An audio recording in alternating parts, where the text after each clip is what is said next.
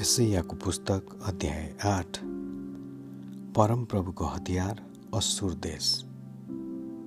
परमप्रभुले मलाई भन्नुभयो आफ्नो निम्ति एउटा ठुलो कागजको मुठाले र त्यसमा साधारण कलमले मयर सालल हाज बज भनेर लेख।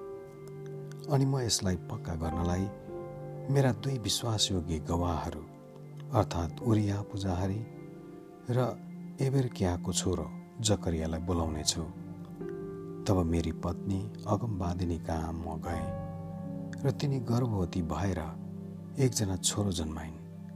अनि परमप्रभुले मलाई भन्नुभयो त्यसको नाउँ मेहर सालल हाज बज राख। बालकले मेरा बुवा र मेरी आमा भन्न जान्न अघि नै दमस्कसको धन र सामरियाको लुट असुरका राजाले लैजानेछ।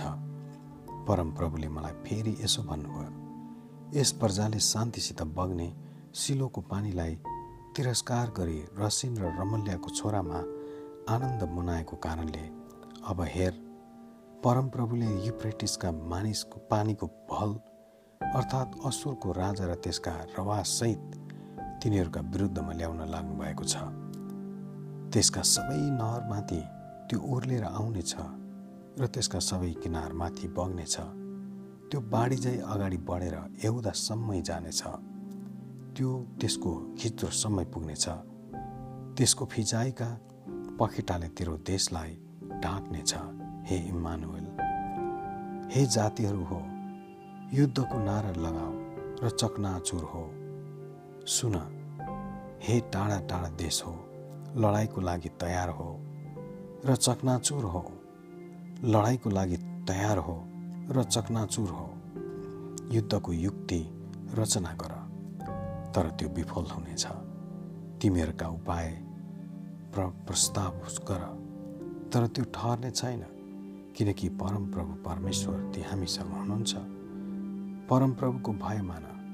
यस प्रजाको मार्गमा नहिँड्नलाई परमप्रभुले मलाई चेतावनी दिँदै आफ्नो बलियो हात ममाथि राखेर यसरी भन्नुभयो। जुन कुरालाई यी मानिसहरू षड्यन्त्र भन्छन् त्यसलाई तैँले षड्यन्त्र नभन् र जे कुरादेखि तिनीहरू डराउँछन् त्यसदेखि त नडरा। त्यसदेखि भयभीत नहो। सर्वशक्तिमान परमप्रभुलाई नै तैँले पवित्र ठान्नु र उहाँकै भय तैँले मान्नु। उहाँसँग नै त डराउनु र उहाँ नै तेरो वासस्थान हुनुहुनेछ। तर इजरायलका दुवै घरानाका निम्ति उहाँ एउटा ढुङ्गा हुनुहुनेछ। जसले मानिसहरूलाई ठेस खान लगाउँछन् एउटा चट्टान जसले तिनीहरूलाई लोट्न लगाउँछ अनि उहाँ एरुसलेमका मानिसहरूका निम्ति धरा प्रपास हुनुहुनेछन्। धेरैजना ठेस खानेछन् तिनीहरू लोट्नेछन् र टुक्रा टुक्रा हुनेछन्। तिनीहरू पासोमा पर्नेछन् र पक्राउ पर्नेछन्। यो गवाई पत्र बाँधिदेऊ र यो व्यवस्था मेरो चेलाहरूका बिचमा बन्द गरेर त्यसमा मोहर लगाइदेऊ। याकुबको घरानादेखि आफ्नो मुख लुकाउनु हुने परमप्रभुको म प्रतीक्षा गर्नेछु र उहाँमा नै म मेरो भरोसा राख्नेछु।